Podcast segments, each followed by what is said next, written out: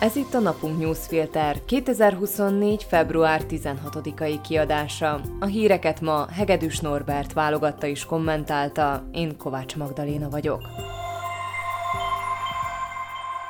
Mai témáink Csaputová példája mutatja, hogy Ficó új rendszerében mindenkire fröccsen majd a sárból.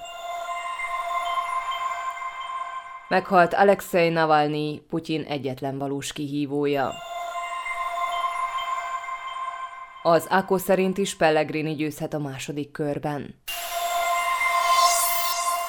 Zuzana Csaputová államfő ma délelőtt ismertette, milyen lépéseket tervez a büntető törvénykönyv hónapok óta viták tárgyát képező módosításának ügyében. Röviden, bár nem ért vele egyet, aláírja a módosítást, de egyben megtámadja azt az alkotmánybíróságon, és kéri a testülettől, hogy függesse fel a törvény hatályosságát az elbírálás idejére. A döntés logikus. Csaputová így elégséges időkeretet ad az alkotmánybíróságnak, hogy döntsön a törvénymódosításról.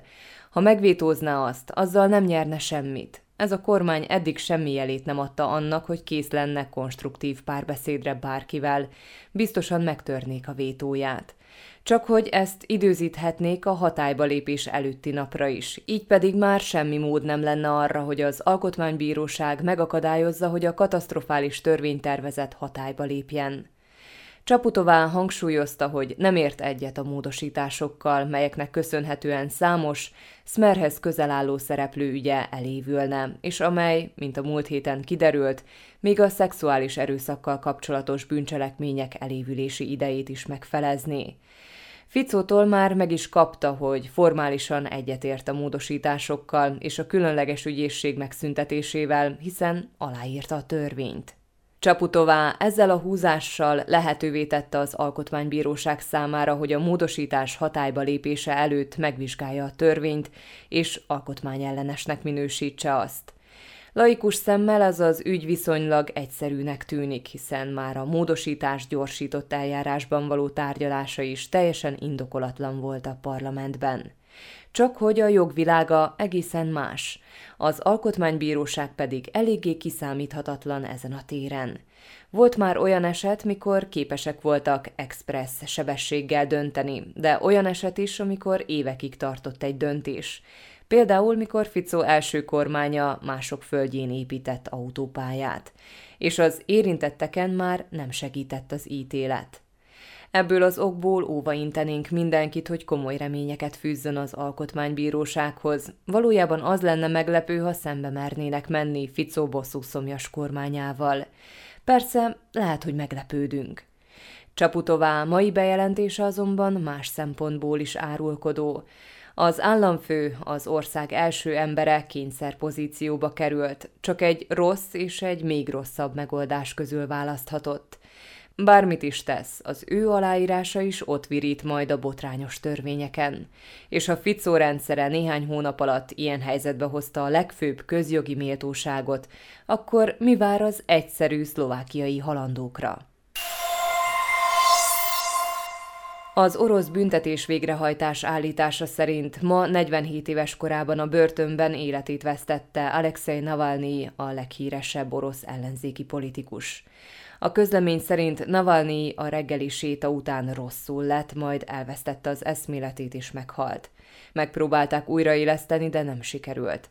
Navalnyi egyik közeli munkatársa, Leonid Volkov az Exen azt írta, hogy még nem kapott megerősítést az ellenzéki politikus haláláról, a börtönszolgálat közleményét viszont szerinte úgy is lehet értelmezni, mint annak beismerését, hogy szándékosan ölték meg Navalnyit. Navalnyi politikai karrierje akkor lódult meg, mikor 2013-ban indult a moszkvai polgármester választáson. Nem nyert ugyan, de megszerezte a szavazatok 27%-át. Ezt követően aktivistái segítségével azon dolgozott, hogy feltárja a korrupciós ügyeket. Neki köszönhetően értesültünk például arról, hogy Putyinnak van egy 1 milliárd dollárból épült kastélya. Mindez nem maradt következmények nélkül. 2020-ban egy Szibériából Moszkvába tartó repülőgépen rosszul lett. Először Omskban, majd Berlinben kezelték, ahol a német orvosok novicsok idegméreg nyomait mutatták ki a szervezetében. A Kreml tagadta, hogy közel lenne a mérgezéshez. Miután Navalnyi hazatért, koholt vádak alapján börtönbe zárták. Az utóbbi másfél hónapban Oroszország egyik legszigorúbban őrzött börtönében, az északi sarkör közelében tartották fogva, ami egykor a sztálini gulág büntetőtáborok része volt. A körülmények miatt valószínűleg soha nem tisztázódik, hogy pontosan mi is történt. A hivatalos orosz szervek biztosan vizsgálódnak majd, de ezek jelentéseit senki nem fogja komolyan venni, hiszen Navalnyi eleve koholt vádak miatt volt börtönben. Egy dolog állítható bizonyosan, az ellenzéki politikus haláláért Vladimir Putyin és a rezsimia felelős, mely embertelen körülmények között tartotta fogva az aggasztó egészségi állapotban lévő férfit, csak azért, mert az megmerte mutatni a rendszer valódi arcát. Alexei Navalnyi az éveken át tartó kínzások ellenére sem tört meg.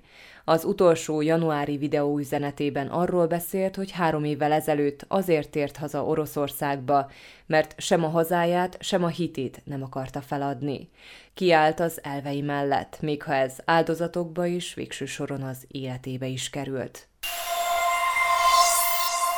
A kormánykoalíció botrányai ellenére továbbra is Peter Pellegrini a legesélyesebb arra, hogy az államfőválasztás második körében győzzön, derült ki az AKO felméréséből, mely a TV Joj számára készült február 5-e és 12-e között. A felmérés szerint az első körben minimális lenne az eltérés Pellegrini és Ivan Korcsok között. Előbbi 39%-on, utóbbi 37,2%-on áll.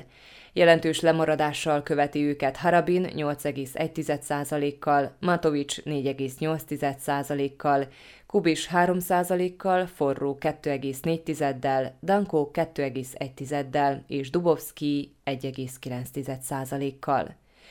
Csak hogy még a második körben Pellegrini mögé valószínűleg beáll majd Harabin és Danko szavazóinak egy része, Korcsoknak egyelőre nem nagyon van honnan merítenie. Így itt jóval nagyobb a különbség, 53,7% Pellegrininek és 46,3% Korcsoknak. A BTK módosítása körüli botrányok ellenére befagyni látszik a pártok támogatottsága is.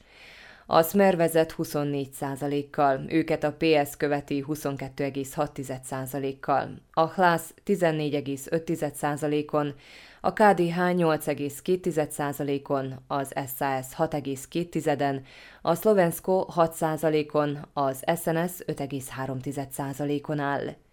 A Magyar Szövetség szokásos módon a parlamenti küszöb alatt, de annak határán billeg 4,6%-os eredménnyel. Ebben jelenleg igazából csak az az érdekes, hogy ez a szám majdnem a duplája forró Krisztián államfőjelölti támogatottságának, vagyis a pártelnöknek igencsak bele kell húznia a mozgósításba, ha nem akar lebőgni március végén.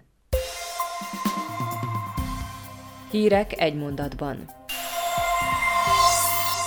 Tragikus hirtelenséggel elhunyt Jakab Ferenc virológus, a Magyarországi Koronavírus Kutatási Akciócsoport vezetője. Jakab 46 éves volt. Ukrajna egy millió drónt kap a NATO tagállamainak egy csoportjától, jelentette be Jens Stoltenberg, a NATO főtitkára. Az adományozásban élen jár az Egyesült Királyság és Lettország. Február 18-án az Egyesült Államok szenátorainak két párti küldöttsége érkezik Magyarországra, hogy a NATO és Magyarország előtt álló stratégiai kérdésekről tárgyaljanak.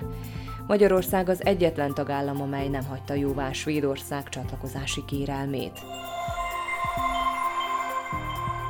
Volodymyr Zelenszky ukrán elnök szerint nyilvánvaló, hogy Putyin ölte meg Navalnyit. Szerinte az orosz elnököt nem érdekli, ki hal meg, amíg megtarthatja a hatalmát.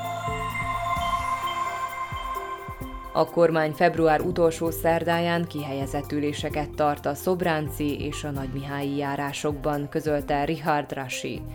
Többek között a Kassát Ukrajnával összekötő autópályáról akarnak tárgyalni. Magyarország egyedüliként blokkolja az EU 13. szankciós csomagját Oroszország ellen. Budapestnek néhány kínai cég besorolásával van problémája, melyek segítik Moszkvát a szankciók megkerülésében. Balogh Zoltán lemondott a Magyar Református Egyház zsinati elnöki pozíciójáról, püspökként marad az egyháznál. A mai napunk newsfilter híreit válogatta és kommentálta Hegedűs Norbert. Én Kovács Magdaléna vagyok, a Viszonthallásra hétfőn.